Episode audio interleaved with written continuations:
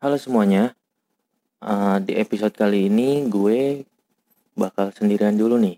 Eh, uh, enggak sih, enggak sendirian karena gue ditemenin sama kucing-kucing gue. Halo Ilo, katakan sesuatu. Hmm. Halo Ben, katakan sesuatu. Oke, semuanya hanya diam. sorry, sorry, sorry. ya, jadi uh, di episode ini gue Upi bakal ngebahas soal hubungan antara komik Godam Putih Hitam dengan Eminem. Hmm, kira-kira apa ya hubungannya? Oke, dengerin aja. Hanya ada di Geekin Out Podcast Spin Off.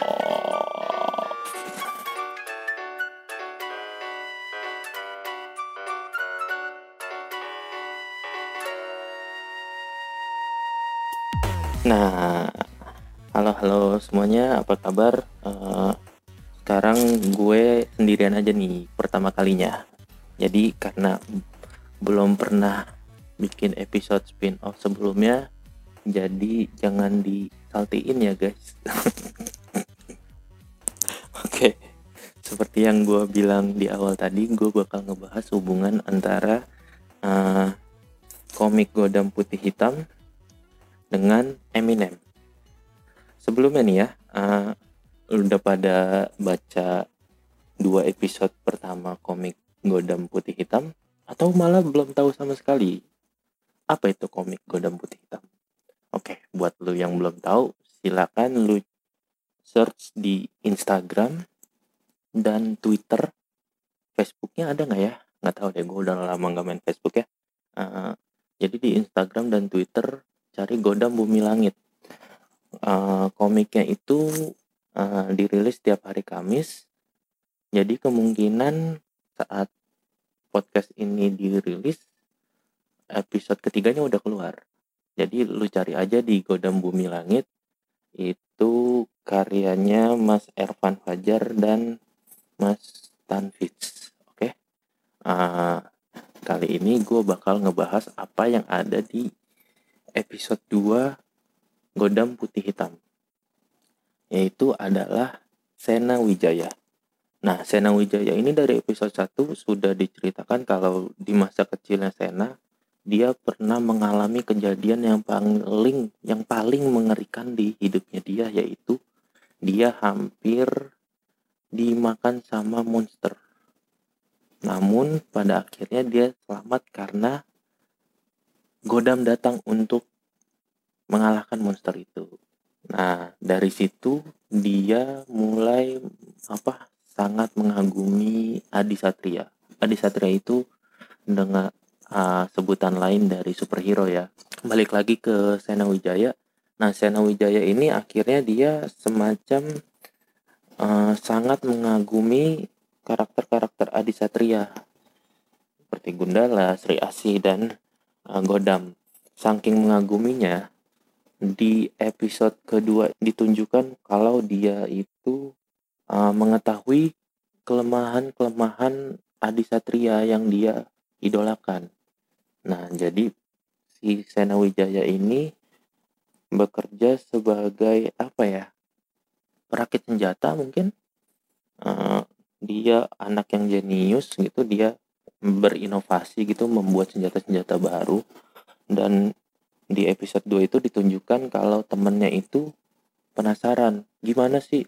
Bisa nggak lu uh, karena lu mengidolakan Adi Satria Adi Satria ini lu bisa nggak bikin senjata yang ngalahin mereka?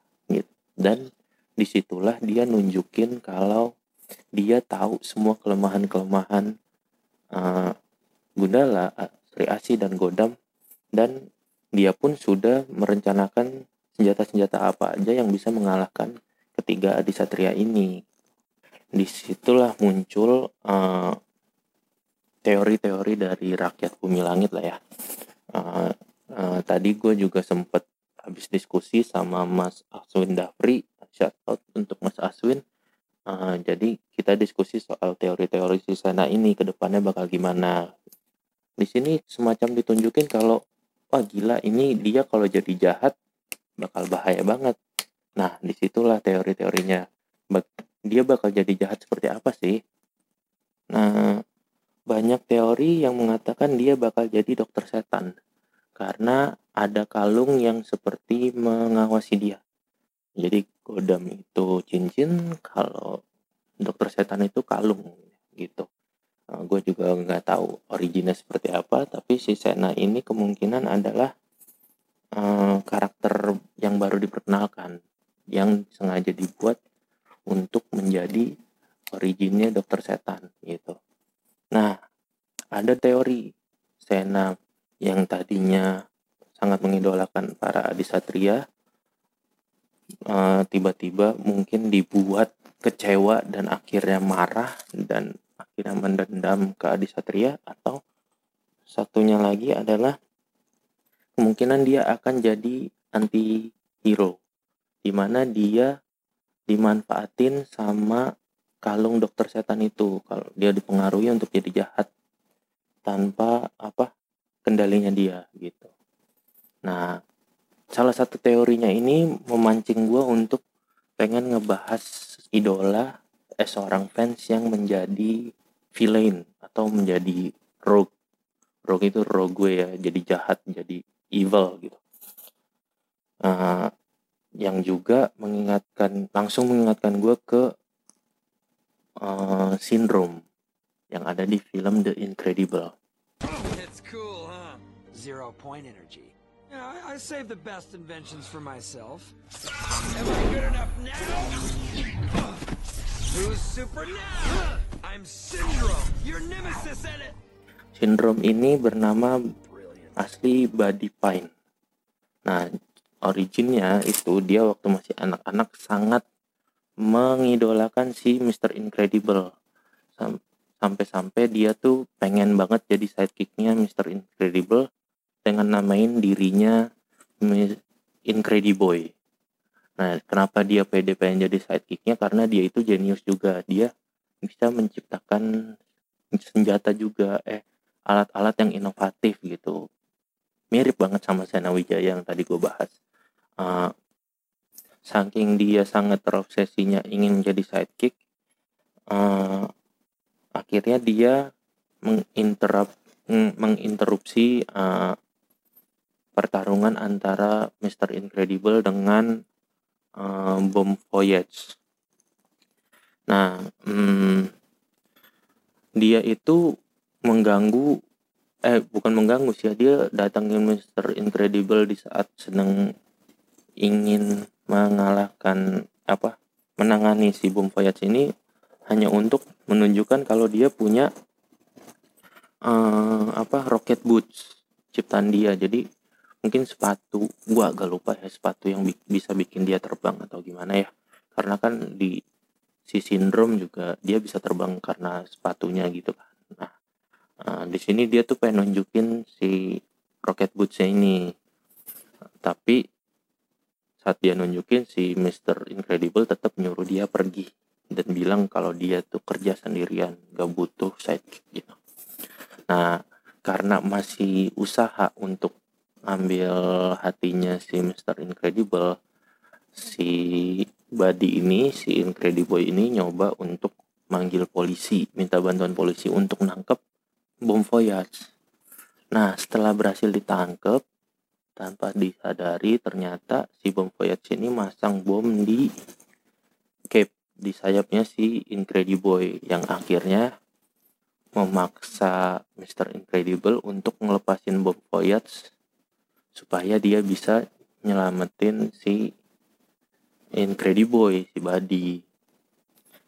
nah dari situ saat si Buddy eh si Mr. Incredible sudah berhasil melepaskan bomnya secara nggak sengaja dia dan bomnya tuh jatuh dan akhirnya mendarat di rel kereta trek kereta gitu entah kayaknya jembatan ya jembatan trek kereta gitu dan tiba-tiba tuh bomnya meledak dan ngancurin trek kereta itu dari situ oh dan parahnya lagi setelah treknya hancur ada kereta yang mau menuju situ gitu jadi uh, untungnya si Mr. Incredible berhasil ngeberhentiin keretanya tapi banyak korban luka gitu dari penumpang-penumpang keretanya nah karena kejadian itu dia ngerasa kalau si Badi ini malah jadi ngerepotin dia dia malah jadi marah gitu dan uh, nyerahin si Badi ke polisi dan nyuruh si Badi untuk eh nyuruh polisi untuk nih bawa dia pulang dan kasih tahu ke orang tuanya apa aja yang udah dia lakuin gitu.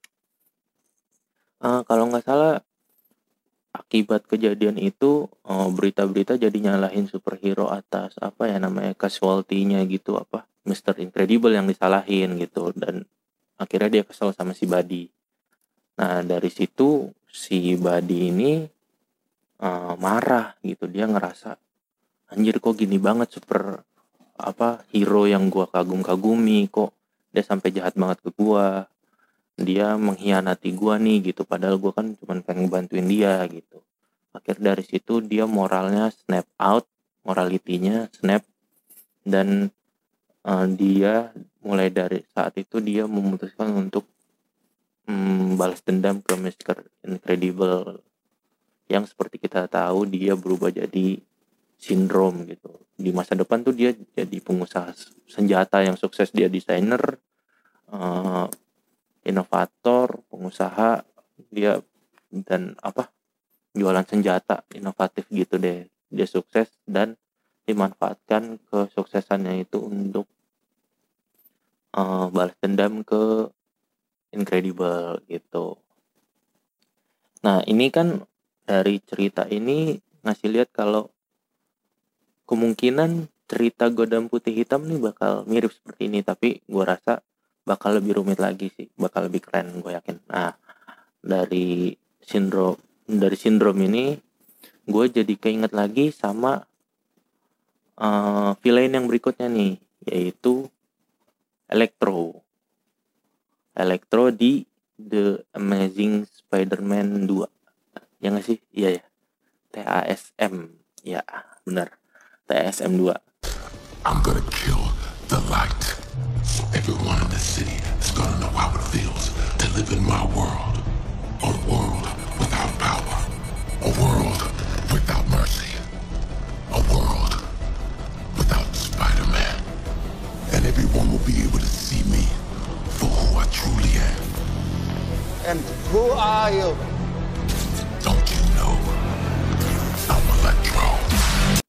Si Electro ini bernama asli Max Dillon. Dia itu ah, siap gimana ya jatuhnya tuh dia adalah uh, orang yang merasa kesepian gitu. Dia menjalani hidupnya itu sebagai orang yang ngerasa orang-orang di sekitarnya nggak ada yang menyadari eksistensi dia gitu uh, nggak ada pengakuan nggak punya temen dia nggak punya siapa-siapa gitu. Jadi uh, pada suatu hari dia di, hampir ketabrak taksi kalau nggak salah terus diselamatin sama Spider-Man. Nah karena dia orang yang benar-benar kesepian benar-benar apa uh, loser lah gitu diselamatin sama Spider-Man tuh ngerasa apa ya thrilling banget gitu bener-bener wah gila ini keren banget ini ini suatu yang paling menakjubkan yang terjadi di hidup gua gitu.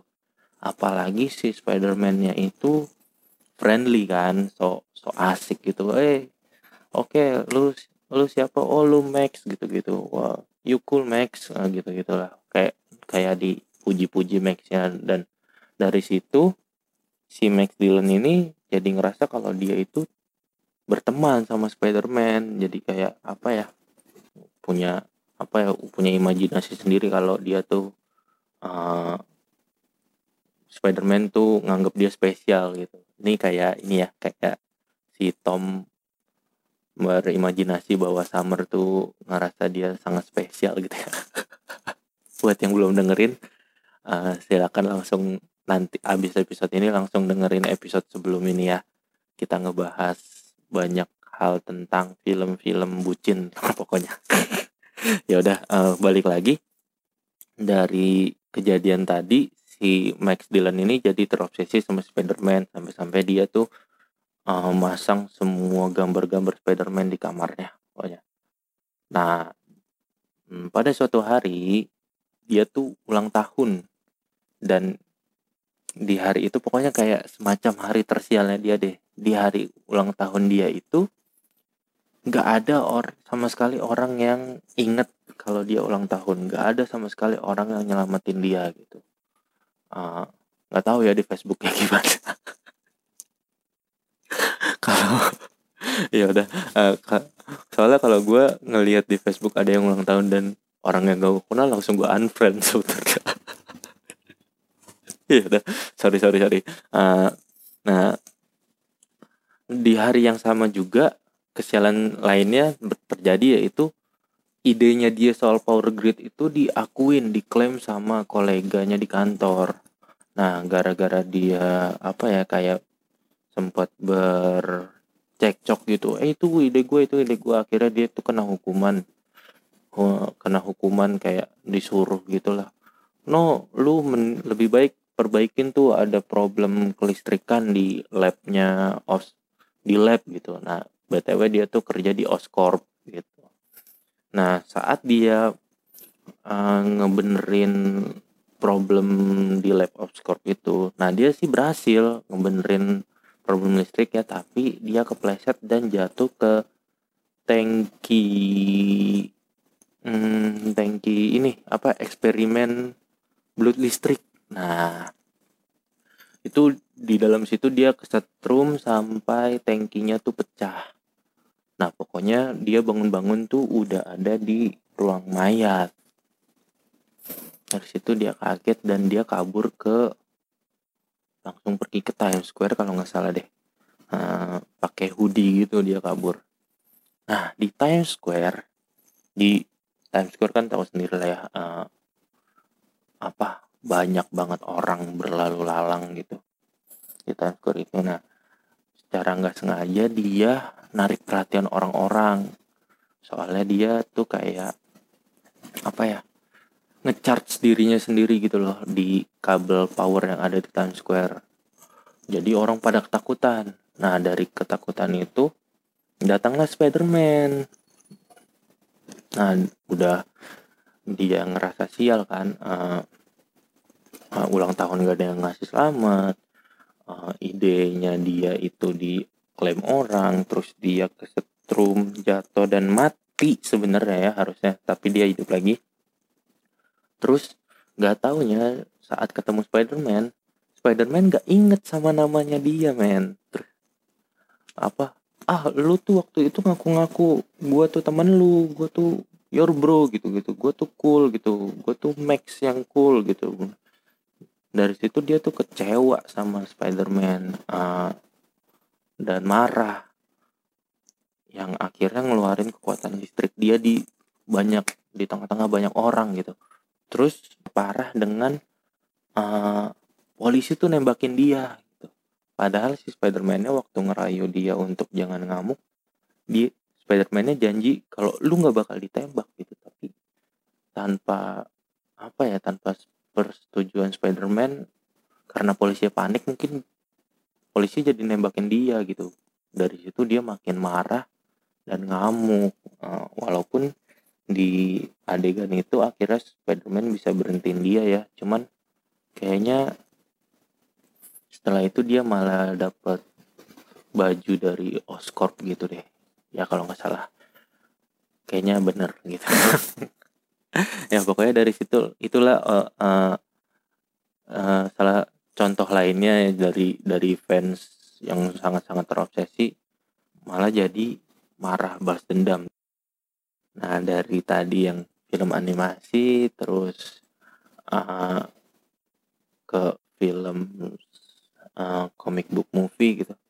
Ini kita ke dunia realita yaitu soal si Mark David Chapman buat gue gue pun baru engah banget sama namanya.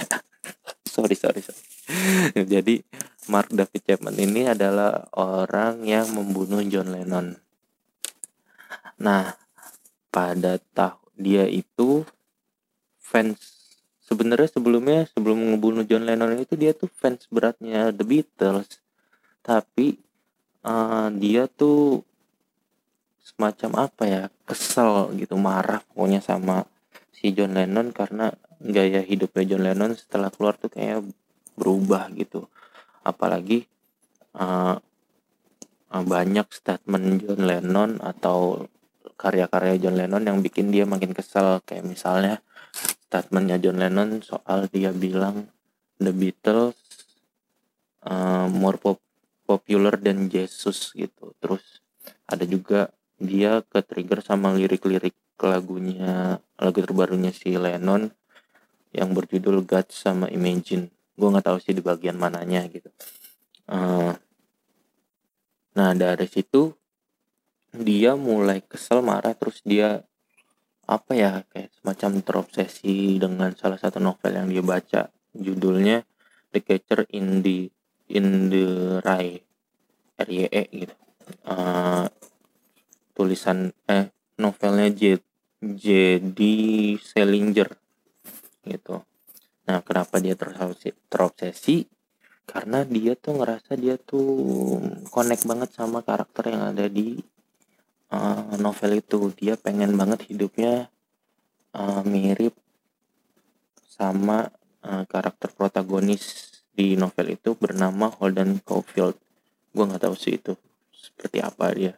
Cuman dari novel itu dari terinspirasinya dia dari novel itu membuat dia sempat berpikir juga untuk ngebunuh beberapa public figure lainnya.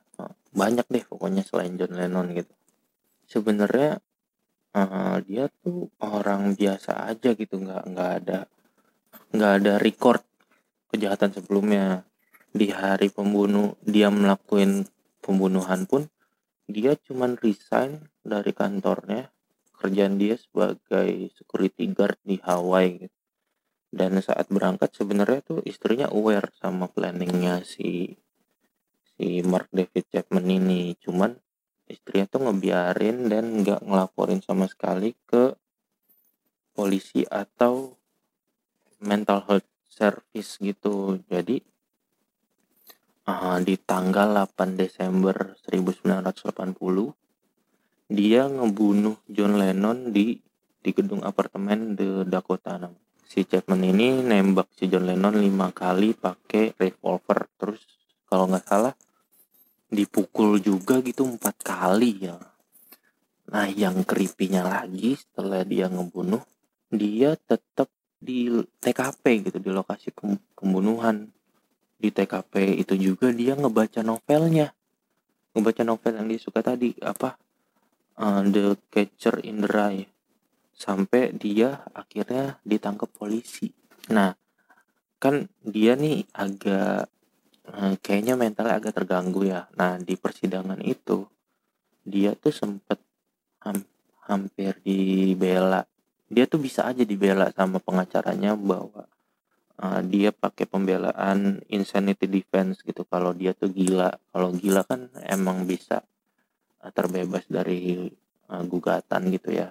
Dan setelah didiagnosa pun dia pun kooperatif gitu waktu didiagnosa sebagai penderita skizofrenia. Dia pun mengiyakan kayaknya oh iya kayaknya gue skizofrenia gitu. Dan diagnosa ahli pun menyatakan dia skizofrenia gitu. Nah uh, di saat punya kesempatan kayak gitu dia bisa bebas dia malah nyuruh pengacaranya dia pengen mengaku salah gitu. Dia pengen dihukum aja gitu. Uh, alasannya dia itu adalah uh, ini semua will of God. Dia kayaknya uh, dia tuh orang yang sangat religius ya. Jadi uh, ketika si John Lennon tadi menyatakan kalau The Beatles itu being more popular than Jesus ya dia semarah itu gitu. Dan ini juga alasan dia pengen di ditangkap aja ya alasan religius juga kalau ini adalah will of God. Terus dia di penjara jadinya kena hukuman 20 tahun penjara. Nah itu salah satu contoh nyatanya fans yang berubah menjadi jahat gitu menjadi marah jadi villain nih nah masuk akhirnya kita masuk nih ke poin uh, di mana hubungannya Godam Putih Hitam dengan Eminem. Yaitu di lagu Eminem yang berjudul Stand. Uh, ah, gue beberapa tahun kayaknya dua tahun lalu gue bener-bener drop bukan terobsesi ya ngeri juga dari tadi ngomong terobsesi terus gue bilang gue ngaku terobsesi juga. Gue suka banget sama lagu Stand ini berawal dari ya uh, lagunya nadanya gitu. Karena uh, kolaborasi juga sama di eh, di mixing juga sama lagunya Dido yang judulnya Always kalau nggak salah. Uh, nah dari dari gue suka dengan lagunya akhirnya gue cari tahu liriknya ternyata Stan ini menceritakan tentang uh, seorang fans bernama Stanley Mitchell. Uh, dia ngeklaim dirinya sendiri diceritakan gitu sebagai fans besarnya si Eminem gitu Slim Shady waktu itu disebutnya. Uh, eh, gue ceritain soal lagunya dulu ya. Uh, lagu Stan ini rilis pada tahun 2000 ya tepatnya di 21 November tahun 2000 sebagai uh, single ketiga dari album The Marshall Matters LP. Lagu ini sendiri jadi apa pemuncak chart di 12 negara men uh, dan menurut gue emang pantas sih dan ini juga dianggap sebagai masterpiece-nya salah satu masterpiece-nya Eminem. Uh, jadi wajar aja kalau uh, ini benar-benar nanti gue ceritain di akhirnya kalau kenapa lagu ini benar-benar powerful. Jadi Stan ini digambarkan sebagai seorang fans yang terobsesi banget sama si Eminem. Dia itu berkali-kali ngirim surat ke Eminem.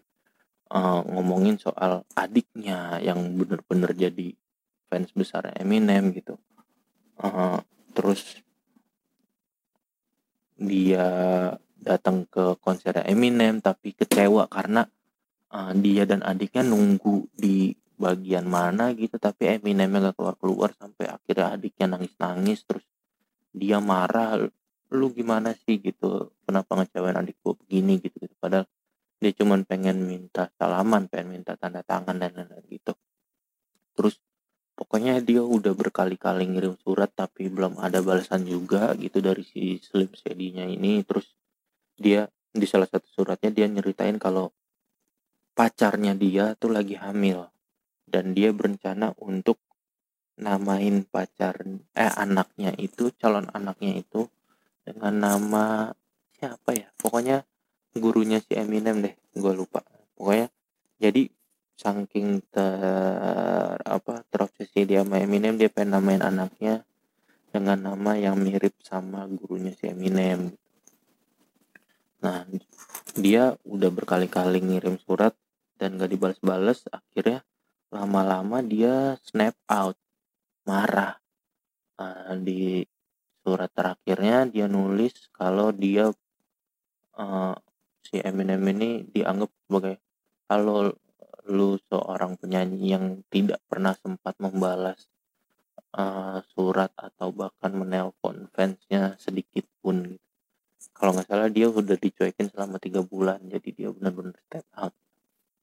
Terus dia ngasih tahu kalau dia uh, bakal nge-record lewat tape di mobilnya di saat dia mengendarai mobilnya menuju ke danau jadi dia tuh pengen bunuh diri uh, dengan menenggelamkan mobil dan dirinya sendiri beserta pacarnya yang lagi hamil yang diikat di dalam bagasi. Ah, anjir terus pokoknya dia tuh jatuhnya kayak nyalain Eminem ya. Ini gue bakal ngelakuin ini. Uh, lu bakal nyesel karena selama ini lu nyuekin gua padahal tuh lu bisa nyelamatin gua em gitu lu tuh bisa nyelamatin pacar gua lu bisa nyelamatin anak gua tapi yang lu lakukan dengan um, nyuekin gua adalah apa yang membuat gue seperti ini? Jadi semuanya itu salah lu gitu. Jadi dia tuh melampias me, me, apa ya melemparkan semua kesalahan itu ke si Eminem ya gitu. Padahal ya dari sudut pandang kita ya dia gila gitu. Gak lama kemudian pokoknya di dalam lagu itu diceritain juga si Eminem itu pengen bales. Lagi pengen balas lagi nulis surat balasan terus dia bilang oh, oh sorry untuk adik lu gitu. Terus uh, wah semoga sehat untuk pacar dan anak lu. Terus please uh, lu tuh jangan ma lu jangan marah. Uh, apa oh pokoknya di dalam suratnya dia pengen uh, dia itu pengen hidup bersama dengan Eminem gitu. Terus Eminem tuh wah apa maksud lu dengan hidup bersama? Dengan lu mengatakan itu gue jadi malah takut nih untuk ngebales lu untuk uh, menghubungi lu gitu.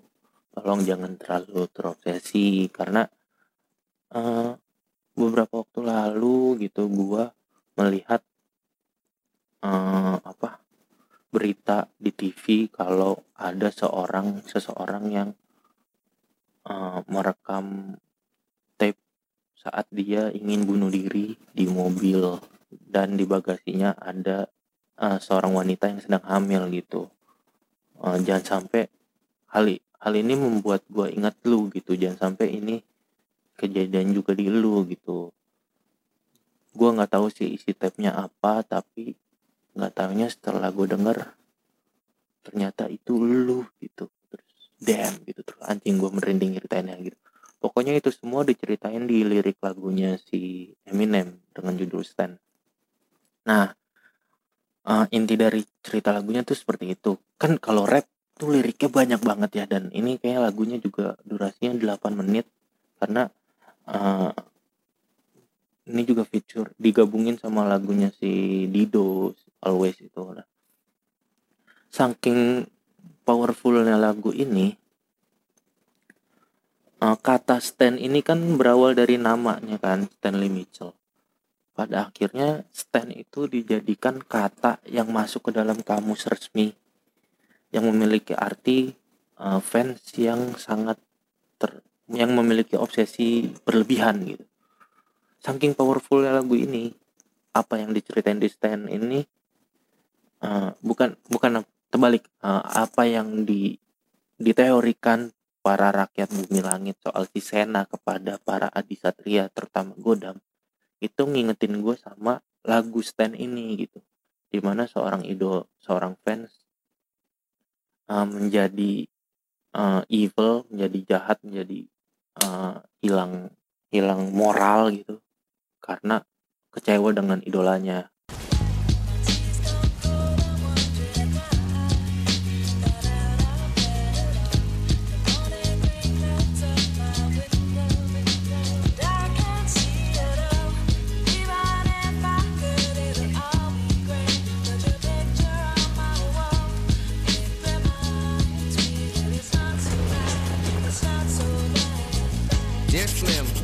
but you still ain't calling. I left my cell, my pager, and my home phone at the bottom. I sent two letters back in autumn, you must not have got them. There probably was a problem at the post office or something. Sometimes I scribble addresses too sloppy when I jot them. But anyways, what's been up, man? How's your daughter? My girlfriend's pregnant too, I'm about to be a father. If I have a daughter, guess what I'ma call her? I'ma name her Bonnie. I read about your Uncle Ronnie too, I'm sorry. I had a friend himself over some who didn't want him. I know you probably hear this every day, but I'm your biggest fan. I even got the underground that you did with Scam. I got a room full of your posters and your pictures, man. I like what you did with Rockets too, that was fat. Anyways, I hope you get this, man. Hit me back, just a chat. Truly yours, your biggest fan. This is Stan.